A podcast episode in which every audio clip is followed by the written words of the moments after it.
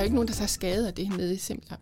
Øh, så derfor så kan de gøre det igen og igen, og de kan prøve igen. Du lytter til Via Videre, hvor vi fokuserer på at være underviser på en professionshøjskole. Jeg hedder Linda Greve, og jeg er leder af VIA Uddannelsesakademi, og i serien her er jeg din vært for en lærerværelsesnak med kolleger rundt omkring i hele VIA University College, om hvad der sker i undervisningen, og hvordan erfaringer fra eksperimenter, forskning og utilsigtede hændelser kan hjælpe andre kolleger videre. I dag taler jeg med Eva Nielsen, som er lektor på sygeplejerskeuddannelsen i Viborg, om hvordan hun bruger simulationsundervisning til at træne situationer før de studerende står ude i praksis. Og jeg begynder med at spørge Eva, hvordan det ser ud, når hun laver simulationsundervisning med sine studerende. Jamen, øh, når jeg laver simulationsundervisning, så gør jeg det typisk nede i vores øh, simulationslaboratorie, det vi kalder SimLab i daglig tale her på sygeplejerskeuddannelsen. Og det her, det lokale, man kan sige, at det er indrettet som, som en rigtig sygehusafdeling faktisk. Så når du kommer ind i det her lokale, så, så vil der være måske tre senge, altså det er senge, som du faktisk også vil se ude i praksis. Og der vil være remedier eller ting, som du kan anvende, ligesom du anvender i en almindelig praksis, for eksempel blodtryksapparater, monitor til at, at kigge på hjerterytmer for eksempel, eller, eller tandbørster, som, øh, som man udfører mundpleje. Altså hele spektret i forhold til øh, sygeplejerskens øh, pleje af patienten. Så alle de her remedier, de, de er til rådighed i, øh, i det her rum, eller i de birum, som der så også er i tilknytning til. Fordi det har vi også. Og det vil jeg gerne øh, skrive under på, jeg har været med. Og, og det er netop en følelse af at træde ind, og der, altså, der lugter som på et hospital, eller dufter, afhængig af, hvad man har det med det. Men, men det er netop, altså det er en oplevelse af 1, 2, 3, uh, og så er man inde på en, en hvilken som helst Region Midt øh, øh, hospitalsstue. Ja. ja. Og det, det er virkelig også det, vi ønsker at bidrage med i forhold til de studerende, fordi de studerende skal føle, når de kommer ind i rummet, hvor de i øvrigt alle sammen har uniform på, når de går ned i det rum. Og det har vi også som undervisere, der har vi altid uniform på, fordi vi, vi vil gerne øh, ja, være troværdige øh, i forhold til at vise, hvordan en praksis kan være. Hvorfor er det, at man, øh, man skal simulere praksis? Altså, de studerende er jo i praktik. Så hvorfor er det, det er vigtigt, at vi har et simlab på vores campus? Ja, det er rigtigt. Man kan også sige, hvis man, hvis man sådan skal forholde sig lidt kritisk til det, så kan man jo sige, at vi kan jo, vi kan jo ikke illustrere en virkelighed, øh, sådan som den virkelig er. Fordi vi har jo ikke en patient, der sidder der i sengen og for eksempel har rigtig ondt, eller virkelig er afhængig af, af din hjælp som sygeplejerske eller sygeplejestuderende. Men det vi kan bruge det her rum til, øh, det er, altså man kan sige, at de her, for, de her nye studerende, de kan få den her fornemmelse af, øh, hvordan det måske er. Det er en del af det. Mm. Fordi det er det, øh, simulationslaboratoriet så kan bidrage med.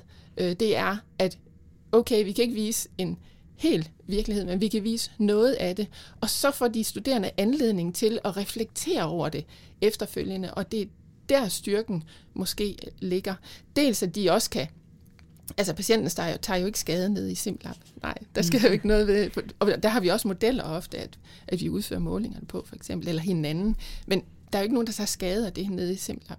Øh, så derfor så kan de gøre det igen og igen, og de kan prøve igen. Og så kan de også øh, fejle, og så kan de prøve igen, og så kan de måske lykkes med det, eller, eller hvad ved jeg. Og så er det den her efterfølgende refleksion, som er enormt vigtig øh, i forhold til at forholde sig til de handlinger, man gør som sygeplejerske. Så det ikke bare bliver automatismer. Altså, de ligesom overvejer, jamen, når jeg gør den her handling for eksempel, jamen så gør jeg faktisk noget ved den her patients krop, og hvad er det, der sker i kroppen måske? Eller når jeg nu kommunikerer på den her måde, så sender jeg måske et signal til den her patient, og, og patienten sender noget tilbage til mig. Er det noget, jeg kan se eller sanse? Så kan man øve sig i det, og så kan man så reflektere med teori. Så så på en eller anden måde, så, så, bliver, så, bliver, så giver teorien måske lige pludselig mening for en sygeplejestuderende. Her, altså, når man lærer teori, så kan det godt være meget abstrakt, og især når man er første semesterstuderende, fordi at øh, man har måske ikke mødt en patient før. Og vi begynder at snakke om, jamen så, så taler du med patienten, eller du informerer patienten. Men reelt set, så ved de studerende jo ikke, hvad, hvad vil det sige at informere en patient, og hvordan ser en patient ud, og hvordan reagerer en patient. Eller, altså, det, det, er sådan meget abstrakt for dem, men der kan vi give dem første indtryk af det måske, ved at simulere en virkelighed. Og hvad kunne være en ting, som man vil, vil have gavn af, og både at prøve i SimLab, men også at reflektere over i, øh, i SimLab?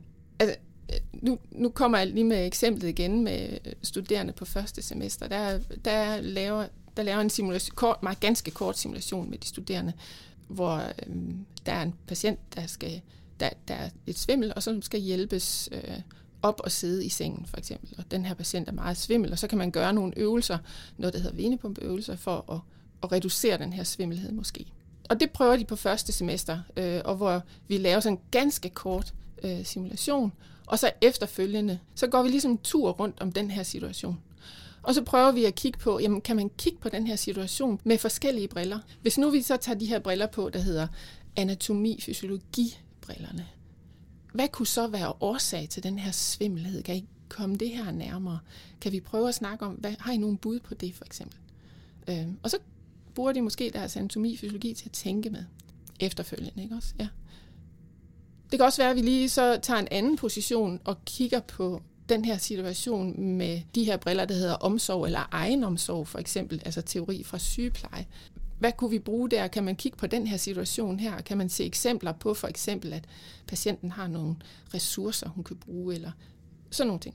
Vi kan også indtage den der position, der hedder, jamen skal vi kigge på den her situation med, øh, med teori fra kommunikation for eksempel? Hvad var, hvad var det sygeplejersken? Hvad var det, du gjorde som sygeplejestuderende for ligesom at skabe en relation til den her patient? Eller hvordan responderede patienten på det, du egentlig sagde? Kan vi prøve at kigge på det her med, med noget teori omkring noget kropssprog måske, eller nonverbal eller verbal kommunikation. Eller, og, og sådan kan man forholde sig nysgerrig på én situation. Ja. Mm. Hvad synes de studerende om at, øh, at skulle lære på den måde? Altså det må jo, øh, jeg kan forestille mig, at det er lærerigt, men at det også godt kan være grænseoverskridende.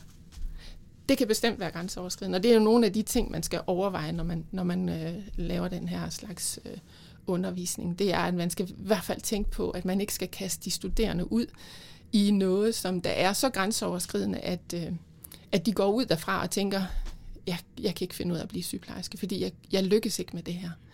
Så det er meget vigtigt. Øhm, men de studerende er grundlæggende meget glade for simulationsundervisning, fordi at det ligesom tilbyder en anden måde at lære på, øh, fordi de har brug for flere måder at ligesom øh, se, øh, se sygepleje på. Ja, og mm. en ting netop, som du siger, en ting er at forstå, hvad er nonverbal kommunikation, eller hvad er, øh, hvad er det, der gør, at øh, patienter bliver svimle, øh, eller ja, alle de her sådan, både fysiologiske kommunikationsmæssige elementer, altså at forstå det, læse det i en bog og tænke, ja. det forstår jeg godt. Men en anden ting er måske, når man så står, og der er et menneske, som er svimmel, og man er bange for, hvad nu hvis hun besvimer? Hvad gør jeg? Altså, at man pludselig står i situationen. Hvordan, hvordan, hvordan er broen fra at have prøvet det derinde, og så til og man en dag står ude på en, en stue, og der er en, der er svimmel. Hmm. Der er, der er ikke sådan en en-til-en overførsel her. Øh, men, men man kan sige, det kan hjælpe de studerende til at få en, lidt en tryghed til at komme ud og sige, og, og, altså en tryghed i, at man ligesom har været igennem nogle situationer, og, og man måske har lært noget omkring at reflektere efterfølgende. Fordi det, de helst skulle kunne få ud af det, det er det her med, at når, når man kommer ud og oplever en situation, der ligger nogle muligheder gemt i læring i sådan en situation, hvis man, hvis man gør sig den umage at reflektere over det bagefter. Altså ikke blot tænker, okay, nu oplevede jeg det, så skete der det, men at man tager nogle situationer ud fra, fra sin praksis, og hvor man så tænker, okay, det her det vil jeg lige gå lidt dybere i. Jeg er villig til lige at bøvle lidt med det her for at blive klogere på noget. Fordi der skete noget i den her situation, som der måske lykkes rigtig godt. Men det kan også være, at der var noget, der ikke lykkes særlig godt. Og hvad var det så, der gjorde måske, at det lykkes godt, eller at det ikke lykkes? Hvad var det, der skete? Så kan de bruge noget af den læring, de får fra, fra SimLab til så og, og så øh, gøre lidt det samme, når de kommer ud i praksis. Det er jo hele det, det grundlaget også for at skabe dygtige, reflekterende sygeplejersker. Det er jo virkelig det, vi har brug for. Vi har brug for, at der kommer nogle sygeplejersker ud, som der kan gå ind i de her unikke situationer, som hver situation jo er, og så kan reflektere over, hvad er den bedste mulige sygepleje i, lige præcis i den her situation, i forhold til den her patient, og i forhold til det, hvad der sker lige nu. Ikke? Men, men hvis nu, at der sidder nogen og tænker, hmm, jeg er godt nok ikke underviser på sygeplejeuddannelsen, men på noget helt andet, men jeg skal nu også skabe reflekterende praktikere. Hvad, hvad, er det, hvad er det for nogle træk, der skal være i, at en simulation bliver en, en, god, øh, en, øh, mm. en god læringsoplevelse. Mm. Man kan sådan set øh, bare kigge på, hvad simulationen præcis er.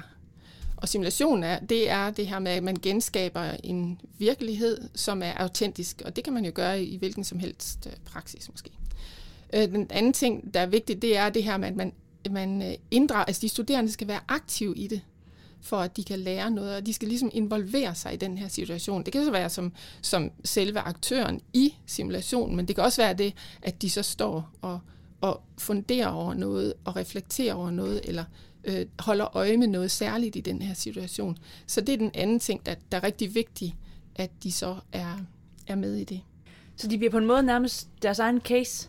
Altså, hvor vi måske ja. ellers kunne have fundet på at, at have en videooptagelse af noget, der sker, og så skal vi bagefter reflektere over, hvad var det, vi så, der skete her. Ja. Og her får de på en måde deres egen krop ind i det. Ja, nemlig. Og, og man kan jo sagtens altså, lave en video, øh, som der optager den her simulation, og så lave en efterfølgende refleksion. Ja. Ja. Og det kunne måske også være styrken i, at man så måske tager netop og laver en simulation. Det kan være ganske kortvarig, men som du også hørte på mit eksempel tidligere, man kan jo gå tur rundt om det. Ja. Øh, så, så man kan jo simpelthen få den, den her situation til at vokse rigtig meget og tage mange refleksioner over sådan en situation.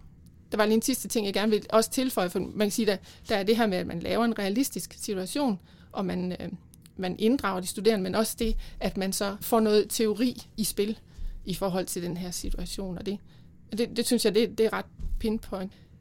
Jeg har lige læst en bog, øh, som der hedder jeg tror, den hedder Simulation i praksisuddannelser.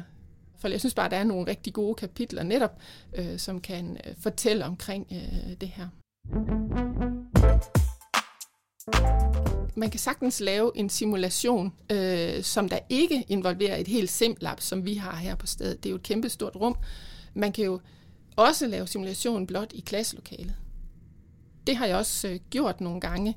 Hvis for eksempel de studerende har svært, hvis vi har haft en teori oppe, for eksempel, og hvor de studerende måske synes, at det er lidt svært, eller jeg kan fornemme på dem, at det er lidt svært der, så kan jeg godt finde på at lave bare en hurtig simulation, hvor jeg så siger, okay, hvis det for eksempel er noget med at forstå øh, omsorg omkring en handling, øh, så kan det være, at jeg beder en studerende om at komme op og sætte sig på en stol lige ved siden af mig, og så, så prøver jeg at sætte scenen, altså pre-briefe de studerende ved at sige, nu skal I forestille jer, at det her det er en patient øh, på, på en sygehusafdeling, der sidder på en stol, og nu skal jeg måle det her blodtryk hos den her patient.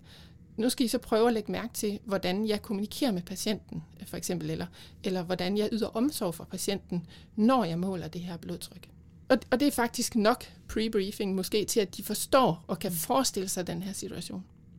Det næste træk er så selve simulationen, og det er her, hvor jeg sætter mig selv i spil jo, og, og, og er sygeplejerske og skal måle blodtrykket på den her patient, men gør det på en omsorgsfuld måde. Det kan tage to, tre minutter, fordi det er jo også sådan, det sker i praksis. Ikke?